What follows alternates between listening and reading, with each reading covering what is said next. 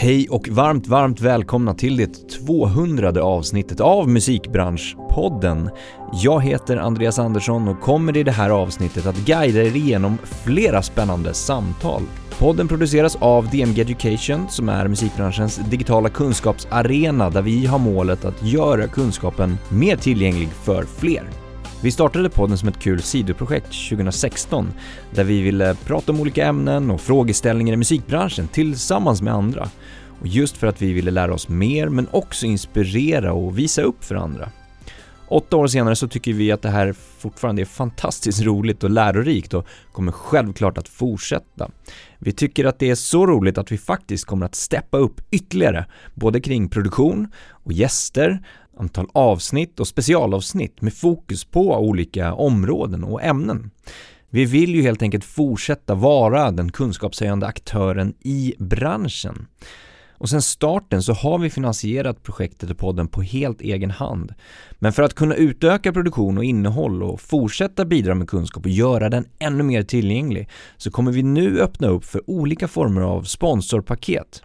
För att just göra det möjligt för fler bolag, aktörer, organisationer att vara med på den här resan. Så vill du höras och synas i podden eller ha andra tankar om idéer kring samarbeten, hör av dig till oss. Dagens avsnitt är en livepodd som spelades in den 15 februari 2024 på Debaser Strand i Stockholm.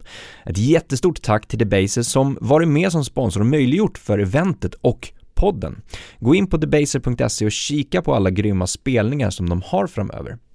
Det första samtalet som vi ska lyssna på är en panel där vi pratar om hur man kan stödja och bevara livescener. Hur ser det ut idag? Vilka utmaningar finns och vad kan vi göra framåt? Vi tar och lyssnar på Micke Lindevall från Debaser, Karin Inde från Musikerförbundet och Sedwin Sandanam från Tensta Gospel Choir. Ge dem en varm, varm applåd! Välkomna. Vi ska först börja med att titta lite grann på vad ni... Eh, ni har ju alla varit med i podden sedan tidigare. Eh, på, vid, vid, olika tillfällen. Vi börjar med dig Micke. Du var med avsnitt 164 december 2022 lite över ett år sedan. Vi pratade om sendöden, ursprunget till Debaser, att det fanns ett hål att fylla och hur det ser ut idag. Nyfikenheten till kärleken och musiken.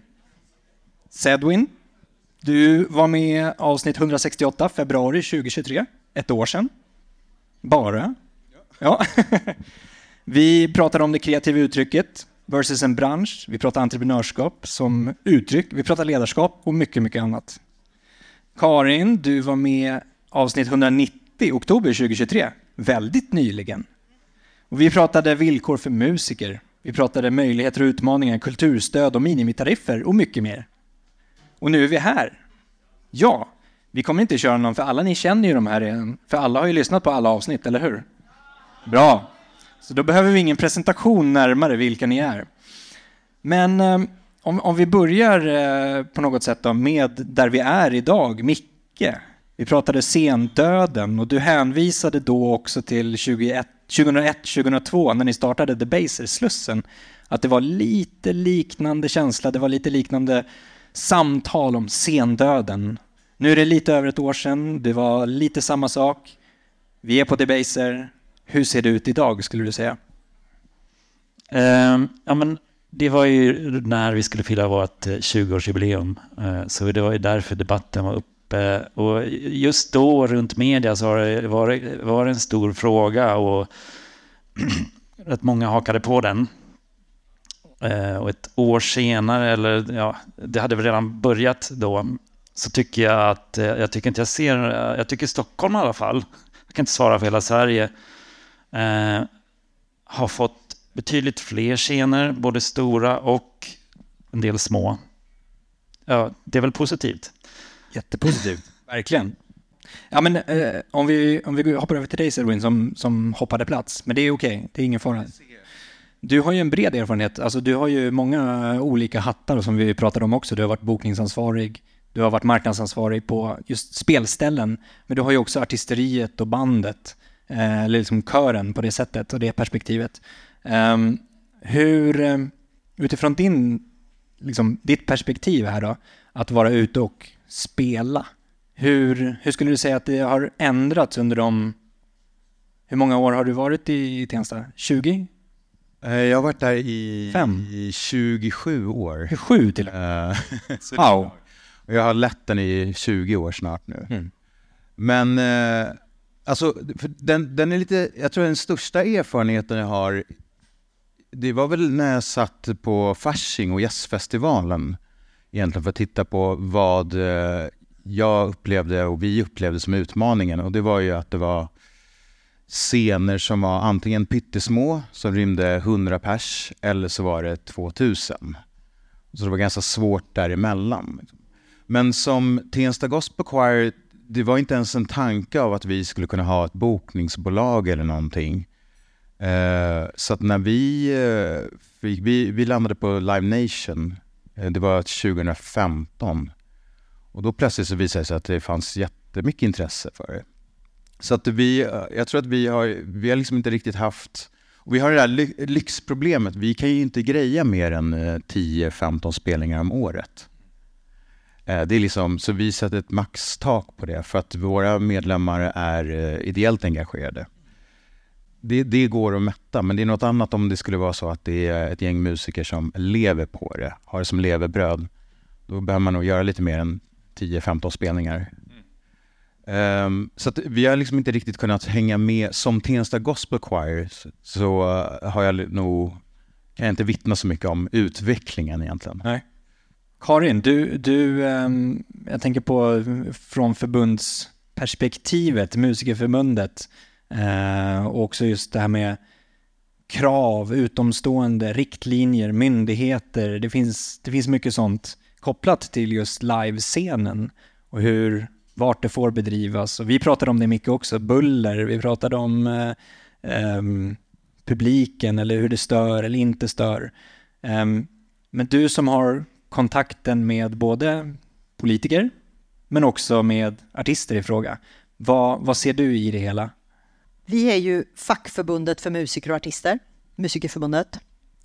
Och är ju helt, alltså och jobbar ju för bättre villkor för eh, våra medlemmar och musiker överlag.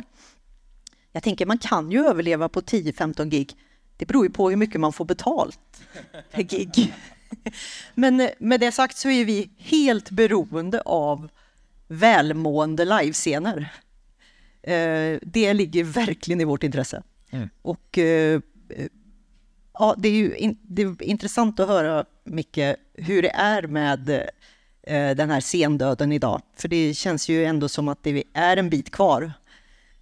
Till exempel det här med hyror och ja. Mm. eh, om, om, det, jag menar, vi kan inte, det är inte bra för musiker och artister att ha livescener som har strypgrepp för att de har för höga hyror. Fin- Finns det någonting ni kan göra där? Jag tänker, är ni på samma sida eh, i, i en sån här fråga? Eller finns det att ni ibland är motparten när du representerar musiker till exempel? Och, I den här frågan är vi på helt samma sida. ja, Sen är vi ju motparter när det handlar om andra saker. ja. Och, och just det här med det ekonomiska då, med kniven mot strupen, att få det att hända med krav från, eh, från utomstående kring, vi kanske inte ska prata om det, eller minimitariffer, sådana saker. Jo, let's. Elefanten i rummet, eller vad säger man, hot topic. Eh, 2022 så chockhöjde vi riksminimitariffen. Eh, den låg någonstans på 3 och 7 på faktura och så la vi den på 5 och 5. Eh, jag var inte ordförande då och jag blev eh, ganska paff. Ska jag, säga. jag ringde och frågade vad håller ni på med? Det här kom också precis när arrangörerna för året har lämnat in sina ansökningar till Kulturrådet och lovat att följa riksminimitariffen. Och så var den skithög. Så tajmingen var usel. Men alltså, Men däremot så är vi på, en, vi är på rätt nivå nu. Eh, och nu eh, är det här en rekommendation som man ska sträva mot. Och vi märker att på det här senaste året så har gaget höjts för många. Märker ni det? Något har vi gjort. Alltså det vill jag vittna om väldigt, eh, när jag började på Fasching, då, då var rekommendationen 1500 kronor. Och sen så kom den upp, så det var ganska länge, så det var värsta chockhöjningen när det är upp till 3000. Eh, eh, men eh, för mig har det hjälpt jättemycket, för att vi då, Tensta Gospel, och då förväntas det ofta att eh, då ställer man upp för den goda saken. Eh, för att vi tycker det är så kul med musik. Och jag tror det är många musiker som tänker så, eh, eller upplever, får det bemötandet. När det gäller att jobba mot, kanske inte just Eh, arrangörer som Debaser eller venues, utan till företag, då är det så skönt när de säger, ja ah, men eh, funkar 20 000? Och så säger ja ah, men så här ser eh, våran budget ut och det här är rekommendationerna och så gör vi en liten screenshot. Och det har aldrig varit några frågetecken kring det. Utan de har sagt, ja okej, nej vi kan ju inte vara sämre för det, och för då förolämpar vi er. Liksom. Så det har varit en jättestor hjälp, tycker jag, att bara kunna säga, så här mycket ska vi ha. Vi eh, är ju en privatägd eh, organisation. Vi eh, lever på biljettförsäljning. Vi måste följa marknaden, se vad som är intressant och vad vi ska boka. Och hela liksom systemet är ganska triangelformat. Vi har de här artisterna här uppe som tjänar jättemycket pengar. De här tjänar lite mindre. Det är inte jättemånga så. Sen finns det jättemycket här. De säljer kanske inte lika mycket biljetter heller. Eh, och vi måste ju också, och de biljettpriset på de artisterna är inte så högt heller. Så ifall vi ska få dem, liksom bygga upp en ny, så kan vi inte börja med att liksom, för då kommer inte att kunna boka dem. Eh, vi måste hitta liksom en dynamisk prissättning och en dynamisk eh, eller prissättning ja, men på, på gagerna helt enkelt. Och det där är ju, jag, jag tänker just, Musikerförbundet samlar ju musiker från alla typer av genrer och eh, världar. Och där ser vi ju hur det diffar, liksom. det är ju jätteolika, vilket ju också är fel. Um, men det är väldigt mycket olika nivåer som gäller inom olika musikvärldar. Uh, och att då försöka hitta en som ska stämma överens med alla, det är svårt. Uh, men det finns musiker som är kritiska till att den ligger där den ligger nu. Uh, och då får man väl mer använda den som en språngbräda liksom att ta sats mot, medan andra säger att yes, nu ligger den äntligen där den ska. Eh, och sen är det vissa som tycker, ni sänker mitt gage. Om, när det. Så att det, det gäller att hitta balansen där. För Mm. Ja men exakt. Nu, om vi går vidare, vi, vi kommer inte sitta här och prata i, i tre timmar om det här ämnet, vilket hade varit väldigt spännande i och för sig. Men om vi går in på mer live-scener då som sagt, så har man ju, alltså som, som artist, som kreatör, så börjar man ju någonstans. Man kanske inte, Debaser, Brooklyn Bar är en jättebra plats, men det kan också vara nästa steg för många. Um, och sen så mid-size level som vi pratade om också. Vad, vad behöver vi göra då, rent konkret utifrån ditt perspektiv, ditt och ditt perspektiv för att både bevara det vi har, men kanske få fler inom de olika nivåerna för att trappstegen ska kunna eh, liksom vara komplett? Du får börja Micke. Det finns ett ganska enkelt svar. Eh, gå på konserter, till att börja med. Det är ju liksom, eh, i alla fall för oss, eh, grunden till att vi, vår verksamhet. Men eh, sen är det ju mer komplicerat än så. Sen kommer ju nästa steg att boka då artisterna, där artisterna i fråga som ska dra och ni tillsammans med artisten som ska dra. Ja, och du, jag vet inte om vi är redan inne på eh, hur eh, liksom utbud och konkurrens eh, kan också påverka, jag menar, har, har, vi, alltså, har vi för många ställen med samma innehåll och storlek så kommer ju också allas innehåll kanske bli lite urvattnat efter ett tag. Ja, för det var... Ja, förlåt, kör. För det är också så att vi, vi får se hur stor publik finns i Stockholm för just den genren, för det stället, storleken. Och det växer för snabbt så kan det ju eh, också bli fel. Det var ju lite det vi var inne på när vi pratade i avsnittet också om att ursprungsidén med de flera debaser så att säga var att det skulle finnas olika nivåer också på något sätt. Eh, ja, precis. Vi, vi, vi hade ju ett tag fyra stycken eh, spelställen eh, samtidigt. Jag fick höra nyss att eh, det var på den tiden som vi blev eh, kallade Sveriges McDonalds för liksom, eh, spelställen. Vilket är det är ju ett sätt att liksom, vi är fortfarande en oberoende spelställe och gentemot ganska stora jättar när det gäller agenturer etc. Så för, för oss att stärka våran liksom position i det här är ju att ha flera scener och eh, kanske i andra städer också. Men eh, just nu så har vi de här två scenerna och det, det alltså grejen är ju att The Basic går väldigt bra nu. Alltså vi växer, vi anställer nya inom nya områden och eh, jag tror att vi kommer inom loppet av två år titta på ett nytt ställe också. Wow! Snyggt!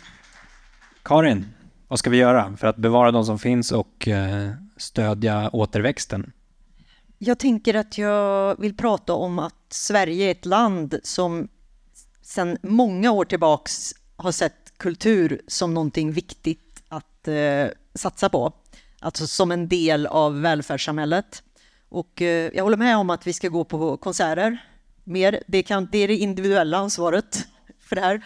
Men jag tänker att det här är också en politisk fråga. Eh, det som eh, liksom, svensk kulturliv och framförallt musik eh, undret, det är ju, har ju inte uppstått ur tomma intet. Liksom. Det är ju en enorm eh, liksom,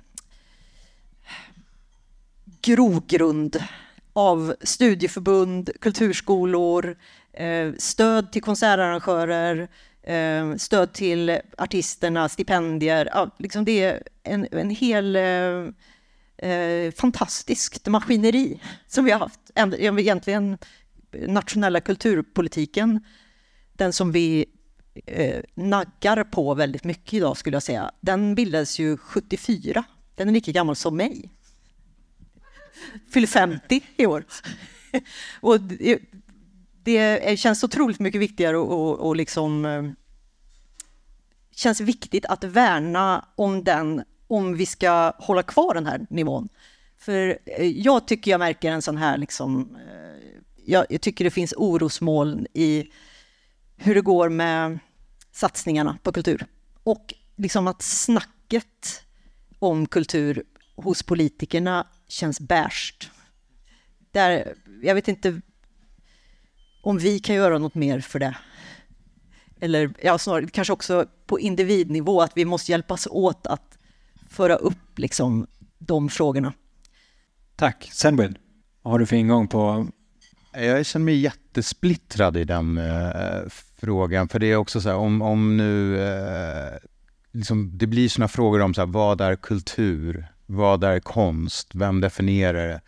Är det folket som driver fram kultur eller är det ett ansvar för politiken?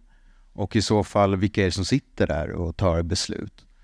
Så att på något sätt så känner jag väl att det viktigaste, för nu vet jag inte om vi börjar liksom prata om livescenen eller om vi pratar om, eh, eh, som du pratar om, tillväxten. För det, det, där någonstans är där jag tänker att där kan vi göra någonting åt det. Att, eh, att det finns, typ alla kulturpengar ska gå till utbildning till unga så att de eh, kan hitta sin, eh, sin passion och driva det. Sen är det upp till dem själva, att få fråga sig själva, hur mycket vill jag det här? Och för att i man, jag tycker inte vi förtjänar någonting liksom annat efter när vi kommer in i arbetslivet, liksom, eller musiken. Att så här, nu, eh, då är det upp till hur pass bra jag är och hur intressant det är. Men samtidigt så, vad är det som, ja det blir frågan här med kulturen, vad är det som odlas i den här? Om jag är som ung musiker och det enda jag ser framför mig är det, det är mello eller det ska streamas mycket, det är en viss typ av musik. Eh, då är det ju lätt att jag kliver in i det. Men då försvinner ju passion. Då försvinner konsten i det, tycker jag. Mm. Uh, nu svamlar jag kanske, jag vet inte. Men jag tycker... Absolut inte. Micke, det var inte svammel. Nej, och jag håller med. Helt klart. Nej, men jag, jag tycker för att få ett, en bred liksom palett av musik i Sverige så, så behöver de unga kanske hitta, ja, de måste ju hitta sin röst som kanske inte bara är påverkade av det som vi ger dem, utan måste få, få, få, få greppa tag i det där själva på något sätt. Och vad det tar vägen, det vet jag inte. Men det, det hoppas jag tar någon helt ny. Och de får gärna komma hit och spela eller göra sin grej. Jag vet inte ens om den här formen att stå på en scen kommer vara aktuellt om 10-15 år. Liksom. Det vore intressant faktiskt i hela debatten. Man pratar om vad som händer nästa år. Vad händer om 20 år då? Mm. Men hur ser det ut nu då? Alltså just när det gäller livescenen, den problematiken, eller den utmaning jag upplevde var just att det fanns jättesmå ställen och då kunde man, där kan man, kunde man börja sin karriär. Men sen så behövde man liksom vänta tills man var på en nivå där man kunde sälja tusen biljetter. Det var liksom det där. Och däremellan så fanns det liksom och det, i Stockholm, det känns som att här, det var jättesvårt att plocka in eh, artister från, eh, från eh, Europa. För att duktiga, grymma artister, för att så här, de drog till Malmö, till Köpenhamn, men de orkade inte ta sig upp till Stockholm. Det blev för dyrt. Det för Och vi hade inga scener där och det var inte tillräckligt stort för att eh, kunna sälja tusen biljetter. Men det var så pass bra så det känns som att det här skulle bidra till, det här till vårt samhälle rent kulturellt. Och det var så här, sorry, vi kan inte boka er. Ja, alltså, vi är fortfarande ganska isolerat uppe i Norden. Mm. Vi, är inte, vi är inte liksom Amsterdam. Det kommer inte förbi artister eh, bara var, eh, av sig själv. Utan vi får dra hit. Det kostar pengar, det blir dyrare. eh, Just, men hittar man ett nätverk, vi, vi, vi är med i olika nätverk, bland annat här Live Europe nu då, som det sitter och där vi pusslar ihop och vi är också oberoende spelställen. Det kan hjälpa till. Vi, där har vi ett stöd från EU till exempel, just för att hjälpa till med den sista skjutsen för att ta sig upp hit. Men det finns säkert en massa andra sätt också. Men sen en sak jag tänkte på. Vi, pratar, vi, pratar ju Vi ska avsluta det här Ja. Du får, du får sista, eh, Karin får absolut sista. Micke, kör på. Ja, men vi pratar så mycket om det här. Jag, jag minns när jag själv var liten och skulle börja spela musik. Det egentligen handlar inte om att vad vi tjänar pengar också. Visst är det jätteviktigt, men det är passionen att bara komma in i det här. Att få stå och spela med andra människor. Det är ju liksom det första vi måste ändå få unga också att tycka. Det kanske inte bara sätta sig liksom, det är där uppe jag måste vara. Nej, det är helt okej. Och bara gå dit och spela för att det är så jävla roligt. Amen. Snyggt. Det är väl, och jag tänker, eh, om man börjar spela, eh, det är ju också publik vi utbildar i studieförbundsvärlden, eh, till exempel, och på kulturskolorna. Så att det, eh, där har vi ju också framtiden på det sättet. Men jag- jag vill också hugga på det här med eh, stöden. Eh, alltså, det är ju det, är ju det som är själva poängen med stöd, att det ska bredda, att det ska liksom eh, bli en större mångfald av eh, uttryck och utbud och sådär.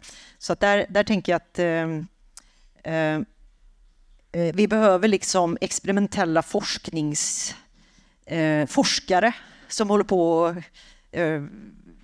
grejar. För det, det liksom utvecklar ju liksom det mest kommersiella i slutändan också. Um, så det gillar jag. Men det är skitviktigt att det hela tiden byts ut de som bestämmer vad som ska få stöd. Eh, och det tycker jag vi har ett extremt bra system för i Sverige med referensgrupper som bara får sitta några år och sen byts det ut. Och, så en sån får vi sätta det i. Bra, vi har en arbetsgrupp här till att börja med nu då. Vi ska inte komma fram med några lösningar på det här, utan vi ska väcka lite tankar just. Det var det som var eh, tanken. Så vi ska inte komma fram med några lösningar hur vi ska göra, utan väcka lite. Så vi ska gå på fler konserter, det är väl det första vi ska göra. Köpa fler biljetter, prioritera livemusik. Göra bättre musik och lära publiken att lyssna på bättre musik. Härligt! Det får avsluta. Stort tack Micke, Karin och Sedwin.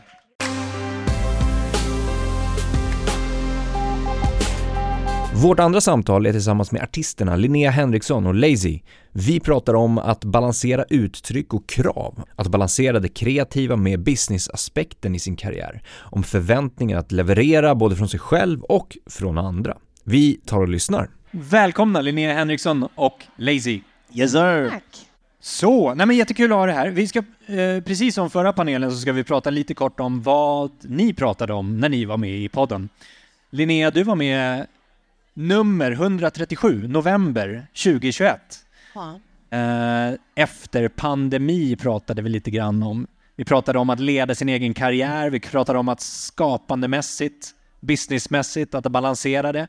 Eh, hattarna och rollerna som du tar på dig.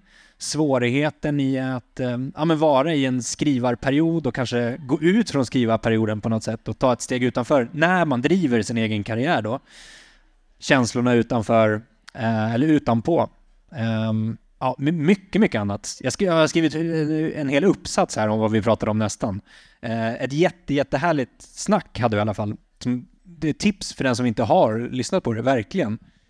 Och Lacey, du var med i avsnitt 191 ganska nyligen, november 2023, i höstas. Vi pratade om vikten av att eh, lära sig branschen. Vi pratade om att prioritera bort för att kunna fokusera. Eh, och att addera värde oavsett om det är en själv som artist eller om du jobbar med det du jobbar bakom artisten så att säga. Precis.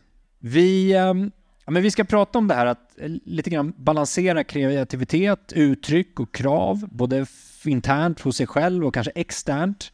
Um, vi får se hur djupt vi kommer och balansera just det kreativa och affärsmässiga. Men om man börjar då utifrån artistperspektivet för din del och artistperspektivet för din del, för att ni har så många hattar. Um, balansen, finns det någon som heter den perfekta balansen? Eller ska man vara i ytterligheterna av varje? Just kopplat till det vi pratade om, att vara i skrivarperioden och låta det vara i skrivarperioden, även om du har någonting business aspekt som pockar på din uppmärksamhet.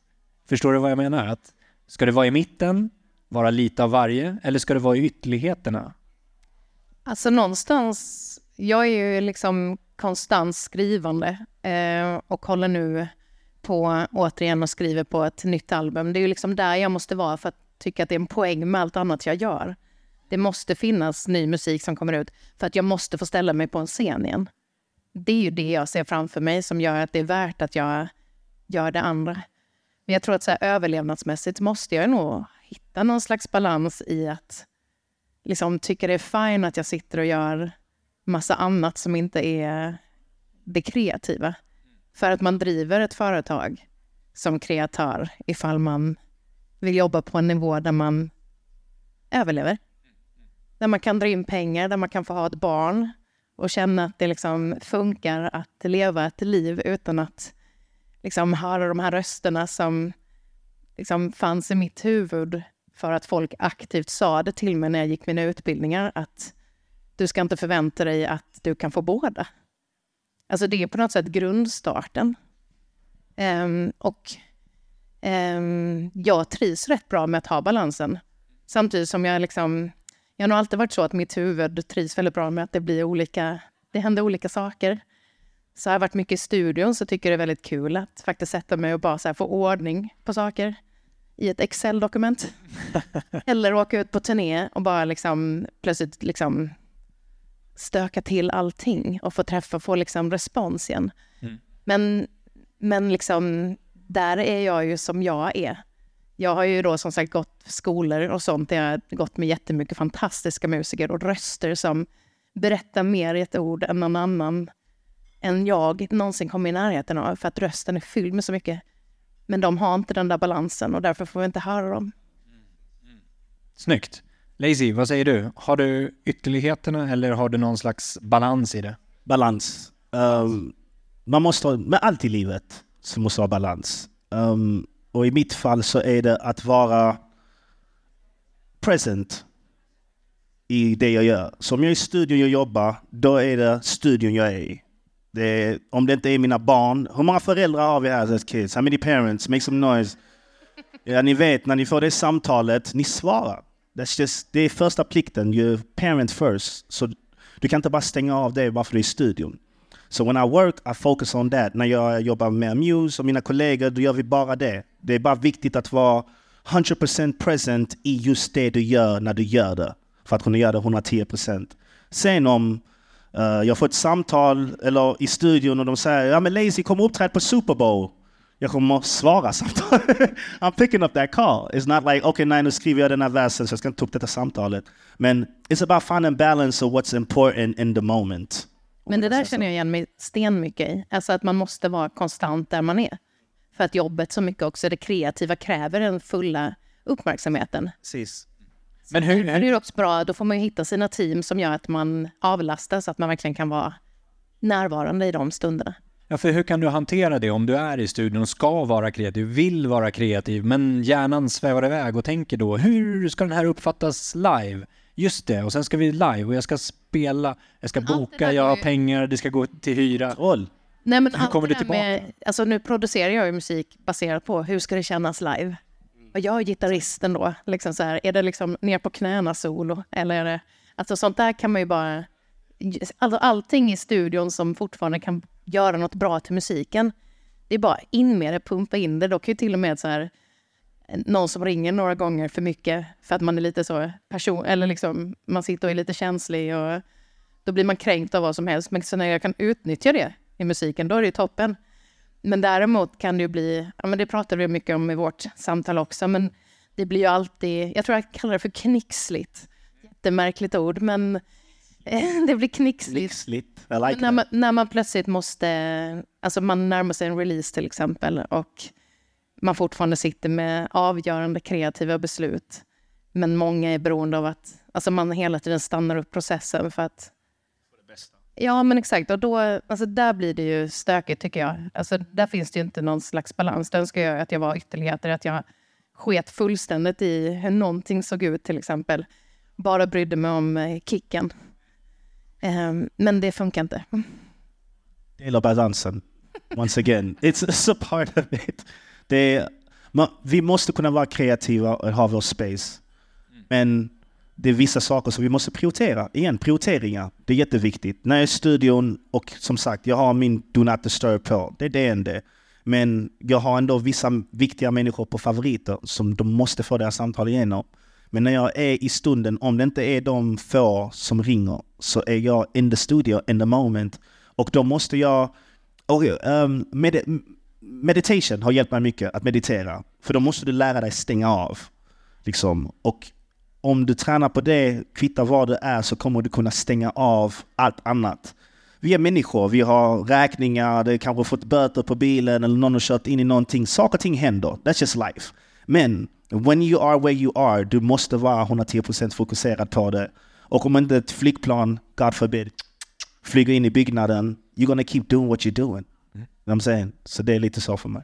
Har ni något knep när ni, när ni svävar iväg för mycket då? Jag tänker på just det här med, om vi går tillbaka till skapandeprocessen så kan det ju lätt sväva iväg i tankar om att hur ska det här uppfattas? Hur ska jag uppfattas utåt när jag släpper den här musiken? Vilka krav har jag på mig själv från andra som kanske förväntar sig, eller krav, förväntningar på hur musiken ska låta, eh, vad jag ska framföra, hur mycket, när ska jag spela, vart ska jag spela och så vidare. Har ni någon balans eller något tips på att Jag tror att det som funkar bäst för mig det är att det kreativa är klart innan man går in i det andra. Yes, definitivt. Mm. Håller med där. Så, så att det blir, för det jag menar, alla för, kan förälska sig i en låt och så kan man inte riktigt trycka på eller peka på exakt vad är det som är så fantastiskt med denna. Man får inte släppa in alla de där tankarna. Då blir det inte den låten som vi kommer bli kära i. Men hur gör du om de tankarna på. kommer? Om tankarna kommer ändå, att Det är naturligt. putta iväg dem? Jag har, jag har, yes, you guys know, i natt, eller imorgon så släpper jag en singel som heter Broken Peace. Ja. Första släppet på året, I'm excited, super excited. Men okej, det är en låt som är om mig och mitt ex. eh, Och en tuff period som vi hade. Om jag ska sitta ner och tänka, ah, jag kan inte släppa den här låten because X, Y and Z eller min sambo eller den här kommer att tänka på den eller den här kommer att bli ledsen eller I don't care. Min plikt som lazy, som en kreatör, är att göra, skapa musik. Min gåva, att använda den gåvan. If I deliberately hurt somebody's feelings, I'm sorry. Men min sanning är min sanning. Så jag måste släppa den låten för jag vet inte om den hjälper dig, den hjälper dig, eller den hjälper någon annan, eller någon annans förhållande. I kind of, that's, det är min plikt. I'm supposed to put that music out. Så jag tänker inte, alright, den här personen blir ledsen, eller den blir det, eller fan ska jag... Det enda jag tänker på är hur kan jag göra den här låten just nu till det bästa jag kan. In that moment. Jag vet inte om du håller med Linnea? Jo, sen tänker jag också att, att, så här, att vara ångestfri är väl kanske inte en kreatörs eh, liksom, eh, lycka med livet. Nope. Det ingår, men förhoppningsvis blir det en låt sen som får liksom, förlåta allt. Men jag tänker mycket, det är klart att de där tankarna kan komma i en och eh, ja men idag också när det känns som att väldigt mycket, jag är fortfarande en, en eh, älskare av album. Jag tycker det är helt fantastiskt. Det är också för att jag vill få berätta hela historien när jag är med min publik och sådär. Eh, men idag är det ju otroligt mycket, alltså vi är ju nere på klipp av typ 15 sekunder. Det är ungefär det vi förväntar oss att eh, det är då alla ska fatta storheten i någonting. Om jag försöker tänka att det är så jag ska skapa min musik, jag tror inte att jag men jag, det får inte komma in och gör det ändå det så jag är ju jättelycklig att jag har lyckats hitta folk som jag trivs att jobba med både i det kreativa men även utanför när det gäller just att hitta ens publik och vilka som ska men, förvalta ens musik. Och då får man ju eh, någonstans i ett nyktert skede, alltså innan det är dags att släppa musik, och landa i att man är väldigt trygg med dem och sen får man lita på bra folk. Släpp inte det. Alla som är kreativa här, artist and so forth. Diamond, supergem som hon sa på sitt. Whoever you are as an artist, släpp inte det. Just kvitta om industrin ändrar. Självklart, vi ska inte vara dinosaurier. You go with the flow, man anpassar sig. Men anpassa dig aldrig för långt där du förlorar den du är som artist. Den is not worth it. Nej, och det är också, alltså, på något sätt ibland blir det som att man minns bara resultatet, så här, även om man har bråkat massa genom processen och så blev det en superhit. Men jag tror inte på det och så har det inte varit för mig. Jag minns hela resan och låtarna som ligger mig närmast om hjärtat som också har gått bäst. Det är de som var, alltså som hade så mycket guldklimpar genom hela processen. Um, och det är ju, alltså som artist eller som kreatör så kommer man alltid vara, alltså redan när jag började så var jag beredd på att investera i princip allt i mitt liv för att få göra det. Den här passionen som ni pratade om tidigare. Det var ju det som var hela, nej men alltså jag kan inte, jag kan inte göra någonting annat. Om jag inte får sjunga så mår jag dåligt. Så det finns liksom inte så många alternativ för mig till slut. Och då kan jag ju inte ha, alltså jag kan inte ha offrat möjligheten till att ha ett, liksom, ett tryggt boende, att veta att det finns mat, alla de här grejerna. Gud vad man har flyttat runt och vad man har varit beredd att jobba för ingenting för att få göra detta. Om jag inte har på något sätt hittat, om det inte har funnits guld i varenda process, om man börjar liksom tumma på vem man är, som du sa, igenom det och släpper saker som man inte tror på, då har det fan inte varit värt allt det där andra. Mm. Så är det bara. Om vi går in på just det här, eh, vi har pratat kreativitet och uttrycken, vi har förväntningar lite grann som du var inne på nu, på dig själv att leverera på något sätt också. Ehm, från andra, men om man tänker sig krav från en, en musikbransch på det sättet. I, vi pratade lite format ändå, på något sätt så i vissa format, eller i vissa delar behöver man väl anpassa formatet ändå. Um, kraven som finns på er som artister från en bransch, vilka är de, känner ni? Men man måste hitta något, eh, ett gemensamt, alltså alla vill vi ju jobba för samma sak. Det måste ju vara någon slags grundkänsla, även om man känner att man har olika liksom, startintressen i det. Alltså om jag gör musik för att jag behöver det någonstans, så är jag ju rätt glad om jag kan hitta någon som vill se till att min musik når ut för att den bara vill tjäna pengar. Alltså egentligen. Mm. För kan vi hitta vår balans i mitten där, så får jag göra det jag vill. Och jag får fortsätta göra det jag vill längre för att den kan hitta andra vägar än vad jag själv kan hitta. Det måste, alltså där är nog också en balans. Men när det gäller krav, jag tror mycket på att försöka hitta ett kreativt, alltså är man kreatör, man får hitta ett kreativt sätt där också. Be creative! yes. Kul att kommunicera med ens publik, det är det man vill jobba med. Idag jobbar vi mycket med sociala medier och hur man kommunicerar där. Ibland är det inte alls kul. Man får hitta sitt kreativa sätt. Men när det inte är kul, då blir det ju ett måste. Är det måstet ett, ett krav från måste annan, är, det enda det... måste är släppa musiken. I feel. Alltså kraven, självklart när det kommer till till exempel marknadsföring. Om du vet att din publik eller din audience som du lär dig de konsumerar musik genom sociala medier eller TikTok och whatever, short form. Ja, men då får du ta din fantastiska låt du har och försöka put it in short form for them to hear it. Så fort de har lyssnat på den så kommer de lyssna på resten av den, men then you have it.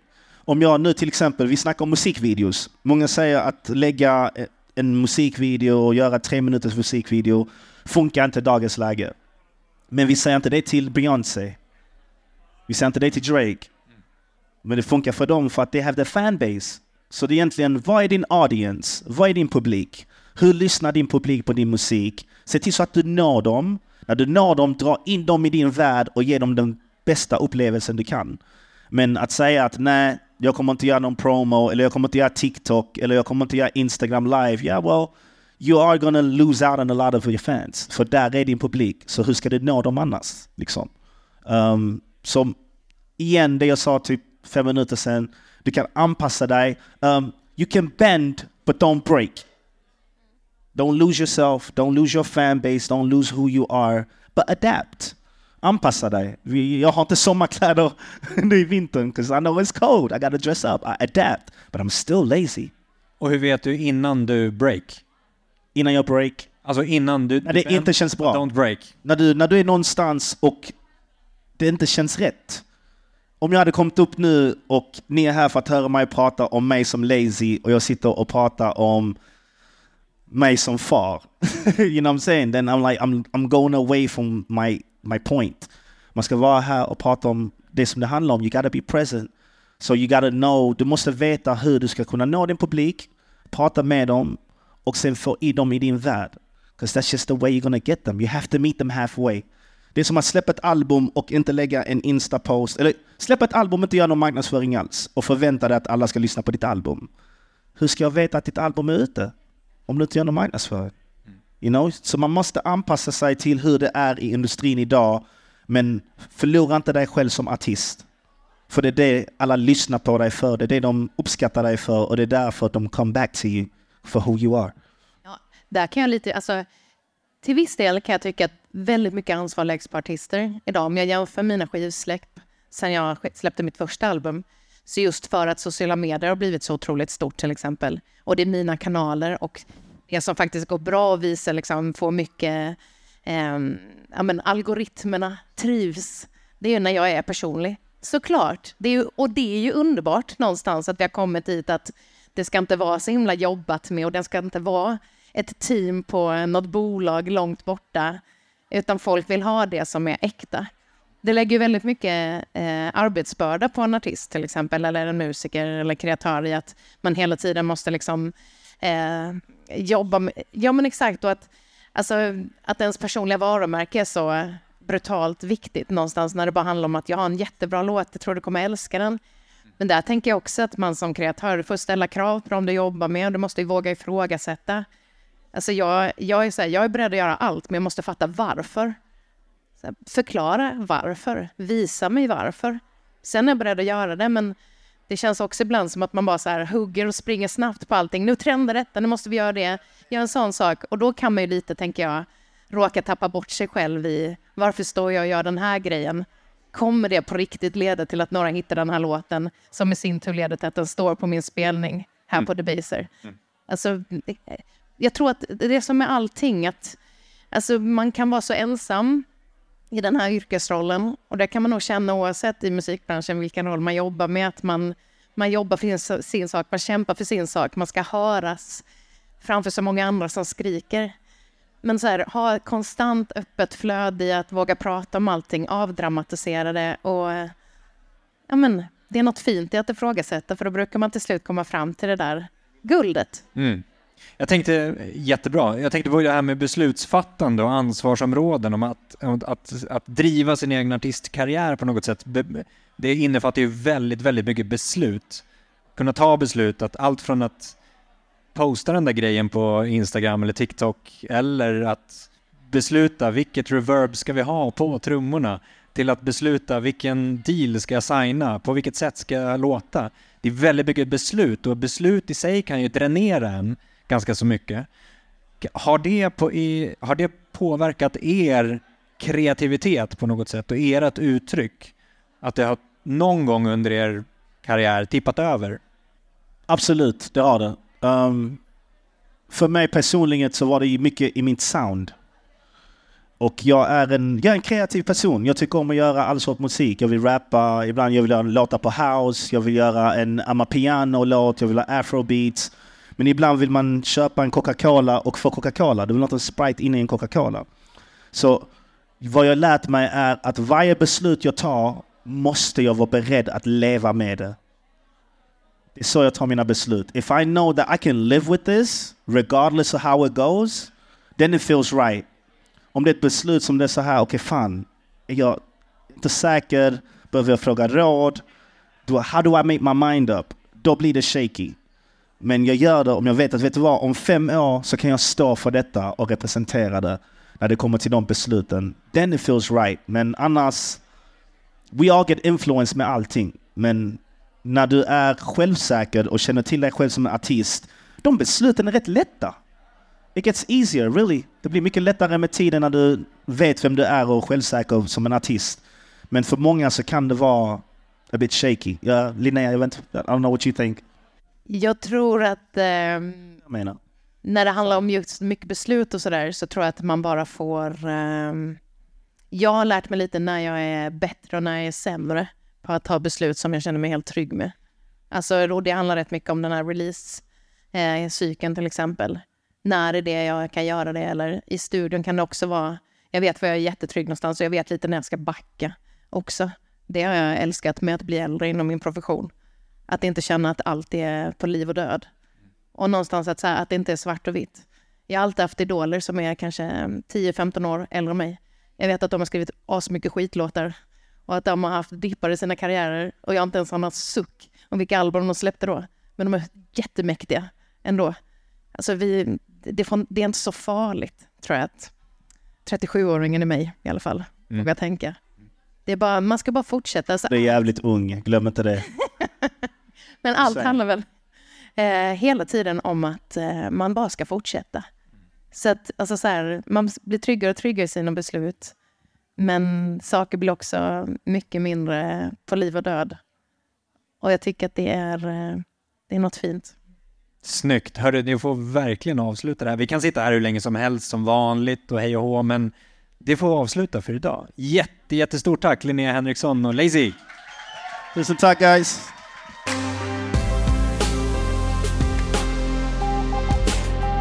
Det sista samtalet handlar om artistutveckling och hur en hållbar artistkarriär kan skapas. Här pratar jag med Tanja Tabrisian som är manager och PR-konsult, David Mortimer Hawkins som är senior A&R på Sony Music och Emily Olsson, medgrundare av Co-Write. Vi pratar om att representera och jobba med artister och olika aspekter av hållbarhet i allt från hälsa, ekonomi och förväntningar. Vi dyker in och lyssnar. Ja, men varmt, varmt välkomna och alla som har lyssnat på podden, för alla vet ju vilka det här är som sagt, så vi drar ingen jätteintroduktion, utan vi ska prata om vad, ni, vad vi pratade om på eran podd helt enkelt. Um, och vi ska börja med det. David, vi pratade eh, avsnitt 102. Det är ganska länge sedan. Det var länge sedan. Juni 2020. Och till och med så när du sa att eh, vi ska prata om grejer du pratade om i podden så att jag tänkte, vad fan pratade vi om? Vad pratade vi om då? Det var mitt i pandemin och vi spelade in digitalt för att vi inte kunde ses. Just det. Helt enkelt. Vi pratade väldigt konkret om A&R-rollen, vi pratade hur det fungerar just på ett skivbolag, ja. eh, kreativt stöd, bollplank och stöd under både bra tider och tuffare tider rollen eh, mot skivbolaget, alltså utifrån artistens perspektiv också, att du är förmedlaren eller eh, länken eller vad man ska säga, processen kring signing och så vidare. Just det. Tanja kommer vi till sen. Du var med i avsnitt 121, mars 2021. Vi pratade... Om semlor? Jag tänkte precis säga det, jag har inte skrivit det, men jag kom på det eftersom det var semmeldagen häromdagen. 19 stycken per semmelsäsong. Ja, exakt. Snyggt refererat. Um, vara dig själv gånger hundra pratar vi om också. Hur mycket man är bekväm med att kommunicera gällande sitt personliga varumärke. Kommunikation, både det strategiska och planeras i förväg, men också eh, kriskommunikation pratade vi om. Uh, när något händer och behöver hanteras snabbt. Emily, vi pratade avsnitt 148, april 2022. Vi pratar om hur artister bör tänka långsiktigt och värdebaserat. Svårigheten idag för artister hur man ska navigera sig i branschen. Eh, att finnas överallt, både göra musiken och, och framföra den, bygga varumärke på plattformar, vara offentlig eh, och att bygga och bidra med värde. Härligt! Jag tänker att vi, eh, vi kommer prata om att hantera eh, och stötta kreatörer kan man väl säga.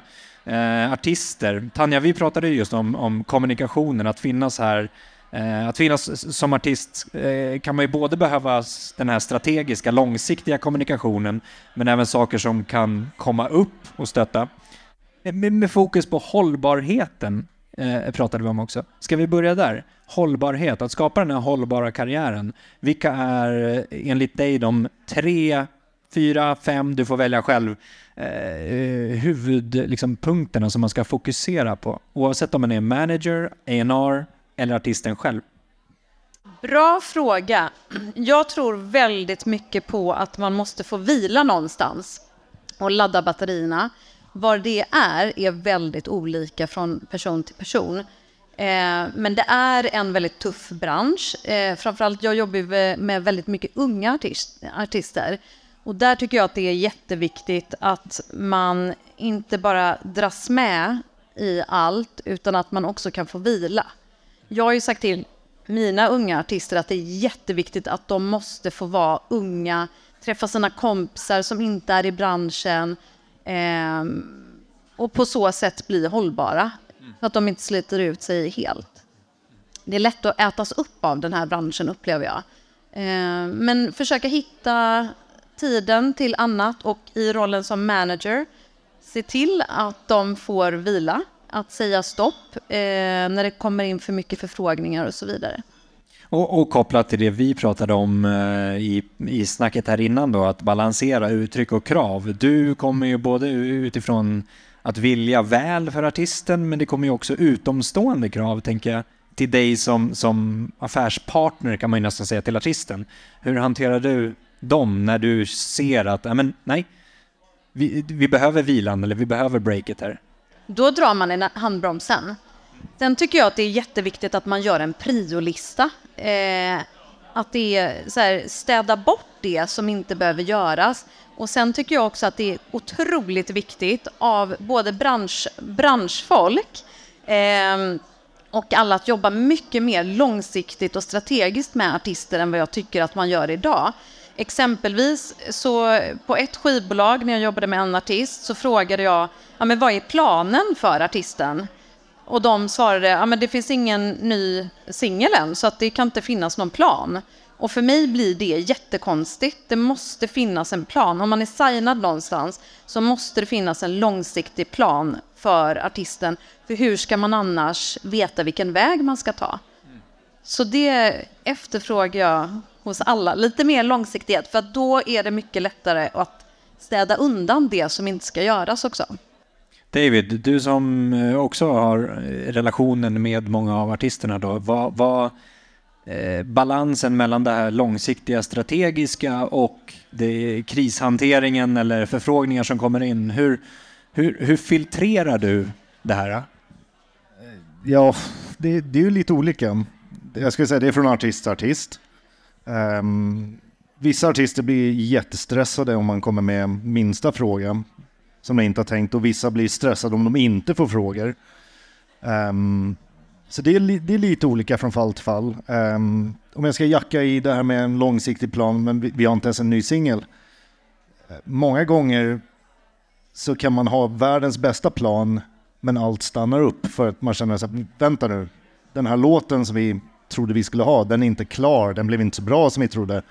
Eh, artisten har plötsligt ändrat sig och vill inte ha den där låten längre. Massa sådana grejer som kan hända. Och man, eh, så oftare än man tror sitter man just i sådana här, även om man vill ha en tvåårs, treårsplan framåt, om man har någon slags idé i bakhuvudet om att ungefär så här ska det här rulla ut, så sitter man ändå och försöker släcka en brand med, okej okay, helvete, vi behöver en ny singel nu. Um, så det är lite både och. Men jag tänker, får jag säga något? Absolut, du får flika in. Nej, men jag tänker att det, man måste kunna hålla de två spåren samtidigt ändå. Absolut. Eh, så att man inte stannar av för mycket.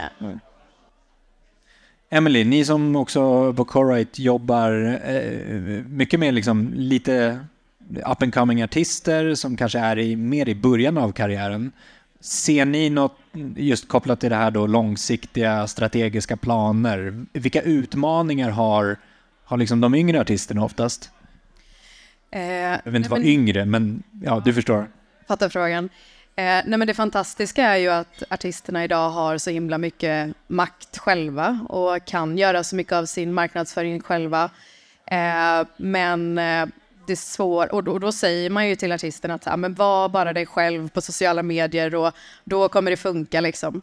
Eh, men jag vet inte om de personerna som säger det någon gång har testat det själva, att vara sig själva inför tusentals personer och försöka experimentera.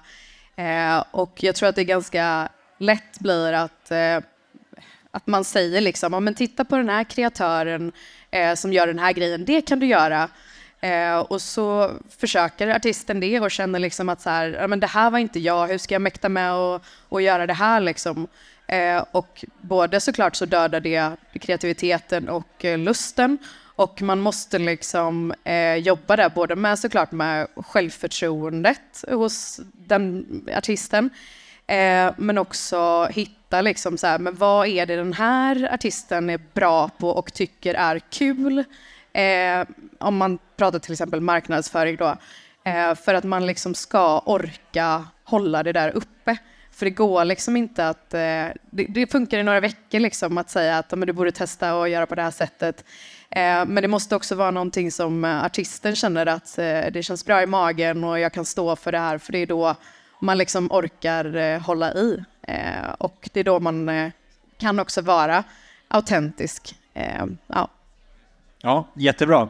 Eh, det, det kan ju finnas hållbarhet inom många olika områden också. Vi pratade, det kan ju finnas hälsa, det kan ju finnas kreativ press, pratade vi lite grann om här innan också. Det kan finnas ekonomisk press, att behöva prestera för att dra in pengar helt enkelt. Att, att den här låten behöver streama, det här albumet behöver streama, jag behöver göra det här företagsgigget och så vidare och så vidare och så vidare. Ni som då utom, eh, alltså utomstående utifrån det, det kreatören, Um, ni blir ju lite, alltså framförallt jag tänker managementperspektiv och skivbolagsperspektiv, blir ju lite distanserade kan jag tänka mig i vissa fall. Ni har en liten mer säkerhet, i vissa fall ekonomiskt, men det kan också vara, ehm, ja men artisten i slutändan behöver ju leverera, ni tar en del av kakan. Hur hanterar ni Eh, en, en sån relation mot artisten så att säga? Förstår ni vad jag menar? Vart jag försöker komma någonstans? Att, eh, om det finns sådana tankar hos artisterna, så här, ja men fan nu måste jag prestera för att det här ska hända. Eh, och, och du vet att du tar en del av kakan och du liksom, tar också en del av kakan. Jag tror, eller ja, du får rätta mig ifall jag svarar på fel sak nu. Eh, jag upplever den här diskussionen rätt ofta när jag pratar med artister. Att när de känner att ah, men jag måste, ja, men det här måste funka för annars, ja, ni förlorar pengar på det här. Eller Jag, om inte det här streamar tillräckligt mycket kommer ni inte vilja satsa på mig igen. Och, eh, och den rädslan upplever jag är mycket större hos artisterna än hos oss. Vi signar ju någonting och är beredda att jobba med och satsa på det. Um, så om, en, om den första låten inte streamar guld eller platinum eller vad det nu skulle kunna vara, så betyder det inte att vi droppar en artist, utan då fortsätter vi, försöker vi tweaka och hitta sätt framåt. Eh, särskilt om det är någon, en, någonting man känner så här, okej det här är långsiktigt i någonting, det kanske inte händer nu, det kanske inte händer på nästa singel, det kanske inte händer på de första fem singlarna. Men man vet att det finns grejer här som är jävligt bra. Ehm, eh, um, och om, om man ser över åren med artister som jag har jobbat med, så nästan alla av de artister som jag liksom idag blir liksom, ja just det, du jobbade med den och den och du jobbat med den och den, är artister som, ja men det funkade inte på första singeln. Det funkade väldigt sällan på första EPn eller första, till och med ibland första plattan, men man håller i och man kämpar på och man liksom hittar andra sätt. Men däremot, så där finns inte den rädslan hos oss riktigt, utan det är oftast med artisterna Eh, för artister nästan generellt alltid har ju fullt med nojor och är rädda för allt möjligt. Alltså otroligt mycket ångest att vara artist. Otroligt mycket ångest och rädsla för en massa saker. Eh, och då blir det en av de sakerna som folk kan vara rädda för. Då är vårt jobb mycket att bara tala om, ta det lugnt, det är ingen fara. Du, vi fortsätter, vi kommer jobba på med det, vi kommer kämpa på. Mm. Och managementperspektivet som är väldigt nära artisten då. Ja, alltså det är ju ofta så eh, tar du en ganska liten del, en kakan ändå, tycker jag, mot vad man gör. Och sen personligen får jag skylla mig själv för att jag vet att jag gör för mycket. Jag hjälper till att gå på lägenhetsvisningar och jag går med till läkaren och sådär. Eh, jag gick en eh, eh, MMA, alltså, eller eh, MMF i Sverige, Music Management Forum, hade en, eh, en utbildning för nya managers och jag var en av dem och det första de säger är så här, det är väldigt viktigt med gränssättning till dina artister och jag tänkte bara, oh that ship has sailed. Så att som i rollen av manager så är det också så att för att ha råd att jobba på det sättet, eh, där du inte vet hur mycket pengar som kommer in, så har jag valt att jag måste jobba med annat också. Eh, för man har ingen aning och jag vill inte pressa på mina artister eh, och piska på dem att tjäna pengar för att jag ska göra det. Då, då funkar det inte. Eh, men jag har valt att ha kvar liksom PR-benet i mitt företag för att ha råd att jobba med mina fantastiska artister. Härligt. Emily, du som jobbar med eh, liksom funding till viss del av liksom artistprojekt. Eh, men också eh, vet jag att ni tittar och jobbar på helt nya verktyg, till exempel kring att skapa hållbara eh, karriärer framåt. Eh, både för att skapa alltså liksom en, en, en slags plan och också steg att ta och veta vad man ska göra, tips och tricks och sådana saker. Hur skulle du säga att en sån, du får själv presentera, men eh, hur skulle det kunna komplettera det här med att, att eh, ta ner stressfaktorn i det hela? Ja, alltså vi eh, har ju hjälpt artister att eh, finansiera sin musik eh, via, hjälp, via fans helt enkelt. Eh, och ganska snabbt så, eh, så ledde ju det till att artisterna sa att okej, okay, men nu har jag liksom 20 000 här, vad ska, jag, vad ska jag göra med dem? Hur ska jag spendera dem liksom? Och då började vi hjälpa artister med eh, artist services, ganska liksom eh, basic prylar, men det man behöver för att eh, släppa musik idag. Och jag som då inte hade varit liksom i musikbranschen tidigare då, blev ganska ja, men, överraskad kring eh, ja, men som du pratade om i ditt avsnitt, liksom, att man är psykolog, man är bollplank, liksom alla de här grejerna och jag upplevde kanske att eh, det största värdet som man adderade var de mjuka värdena. Liksom. Att, och artister som skriver mitt i natten och de är ängsliga, ska jag lägga upp det här eller ska jag det här, vad borde jag göra? Och jag kände, eller vi alla kände liksom en ganska stor frustration i att så här, okay, men vi skulle kunna hjälpa fler artister att göra det här eh, om, ja, om det hade funnits liksom bättre verktyg. Eh, och så det är det vi håller på att skapa. Det stod under namnet här nu tidigare, ny tjänst eh, som heter Aflow, eh, som är en tjänst för artister och eh, skivbolag och alla som jobbar runt artisterna Eh, med eh, personaliserad artistutveckling, hjälpa till att sätta mål, följa dem, eh, skapa innehåll, alltifrån liksom idéer till strategier, men också motivera artister och team som skapar bra vanor när man gör det. Och på så vis ja, men, liksom vara en komplettering till alla som jobbar med artisterna. Både för att liksom kunna leverera högre kvalitet men eh, hjälpa fler artister. Eh, och du pratade om det i ditt avsnitt, liksom, att du eh, har dina intervjuer, eh, liksom tre till fyra timmars intervjuer med artister och det är inte alla som har lyxen och råd att eh, liksom anställa någon och, eller ta in någon som kan eh, leverera det. Eh, så det är det verktyget som, eh, som vi håller på att bygga just nu, eh, vilket är sjukt spännande. Eh, så då kan man gå in på aflow.co Eh, om man är nyfiken på att följa den utvecklingen. Grymt. Och eh, för er del då, om vi går tillbaka till det, mjuka värden versus att leverera innehåll. Eh, hur, har ni någon balans däremellan när ni jobbar med era artister? Att så här, men nu måste vi faktiskt jobba på er själva eller vi måste jobba på produkten eller musiken i fråga eller planen, lanseringen. Eh, har ni någon magisk formel? Men jag skulle nästan säga att jag tycker att det handlar om att jobba med hårda värden fast på ett mjukt sätt. Att vara väldigt eh, skärpt och eh, det ska finnas struktur och ordning men med väldigt mycket hjärta, garv och liksom bara generell omtanke. Den modellen funkar bäst för mig i alla fall. Men lite ordning på torpet måste det vara. Det låter som en jättebra balans. David? Men jag, jag tror mitt jobb, tills, om jag tänker rätt ofta när jag kommer hem från jobbet, om jag försöker summera min dag, vad har jag gjort, vad har mitt jobb bestått i idag? Så väldigt ofta så får jag kämpa med att komma på vad fan jag har gjort egentligen. För väldigt mycket är just bara man sitter och pratar, man eh, liksom försöker lösa problem som egentligen i mångt och mycket bara handlar om att diskutera, man pratar, man eh, försöker hitta bra lösningar ifall det är saker som inte funkar eller man funderar på, ska man ha det här klippet eller det här klippet? Eh, den här bryggan här, går den, är den tillräckligt stark eller funkar den här? Och, alltså 99 procent av mitt jobb är på något sätt att vara ett bollplank och bara försöka få folk att känna sig lugna och trygga och liksom gör, göra mitt bästa på något sätt för att de ska göra, bli ännu bättre. Um, Eh, jag tror att så länge jag sköter mitt jobb så märks inte mitt jobb. För det är artisterna som märks då. Eh, otroligt svår fråga att säga, säga liksom kvantifiera på något sätt, utan jag, det är nog mest att man hela tiden är någon slags bollplank och inom alla områden någonstans. Mm, mm.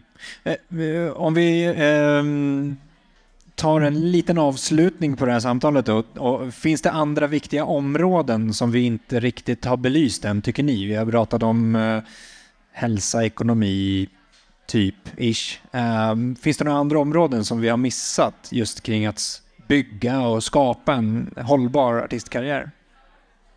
Nej, men möj möjligen då kanske, eh, jag har kanske inte de bästa svaren, men eh, att hjälpa artister att förstå hur de ska tjäna pengar, liksom, för det är det de i slutet av dagen eh, behöver eh, göra.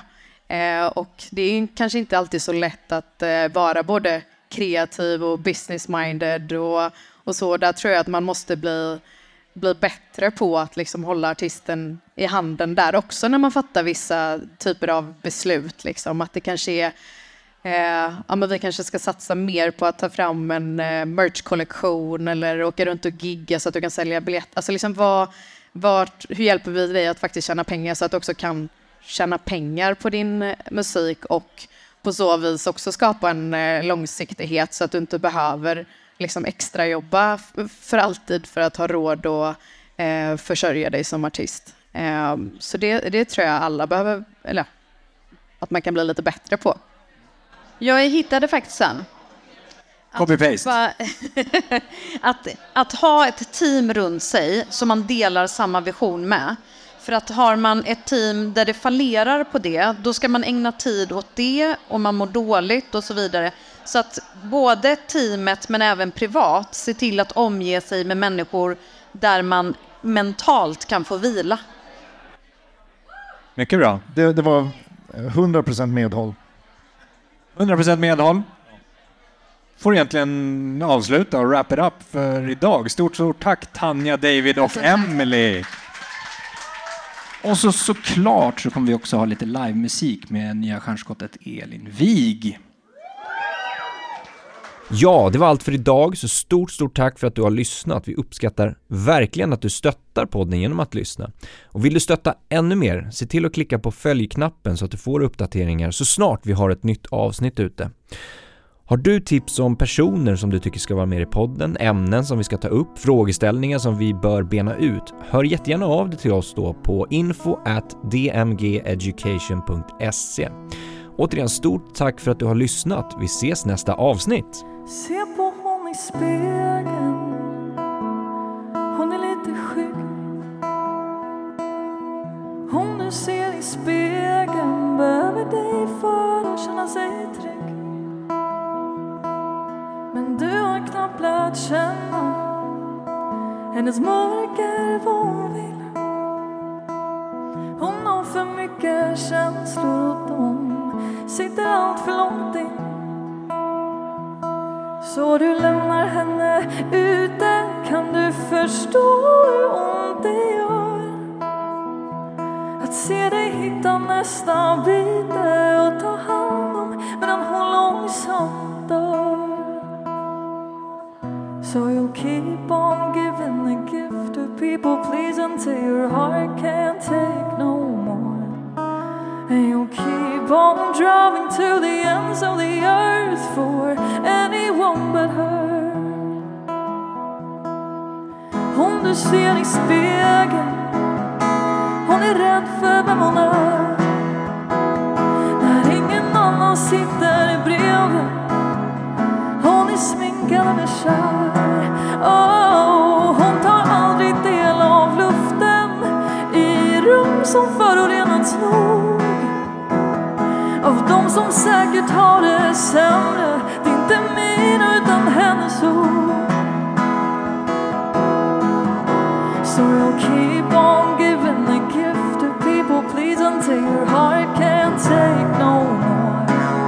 And you'll keep on driving to the ends of the earth for anyone but her. Yeah, then you'll keep on giving the gift of people, please, until your heart keep on driving to the ends of the earth for anyone but her. Men när de slutat ringa dig, när de hittat hem, när de gått i terapi och lärt sig lämna sin säng, när de slutat ringa dig, när de hittat hem, finns inga bränder att släcka, alla känslor har känts.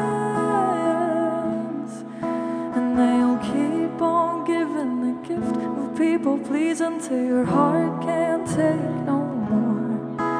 And you'll keep on driving to the ends of the earth for anyone but her. Yeah, they'll keep on giving the gift of people, please, until your heart can't take no more. And you'll keep on driving to the ends of the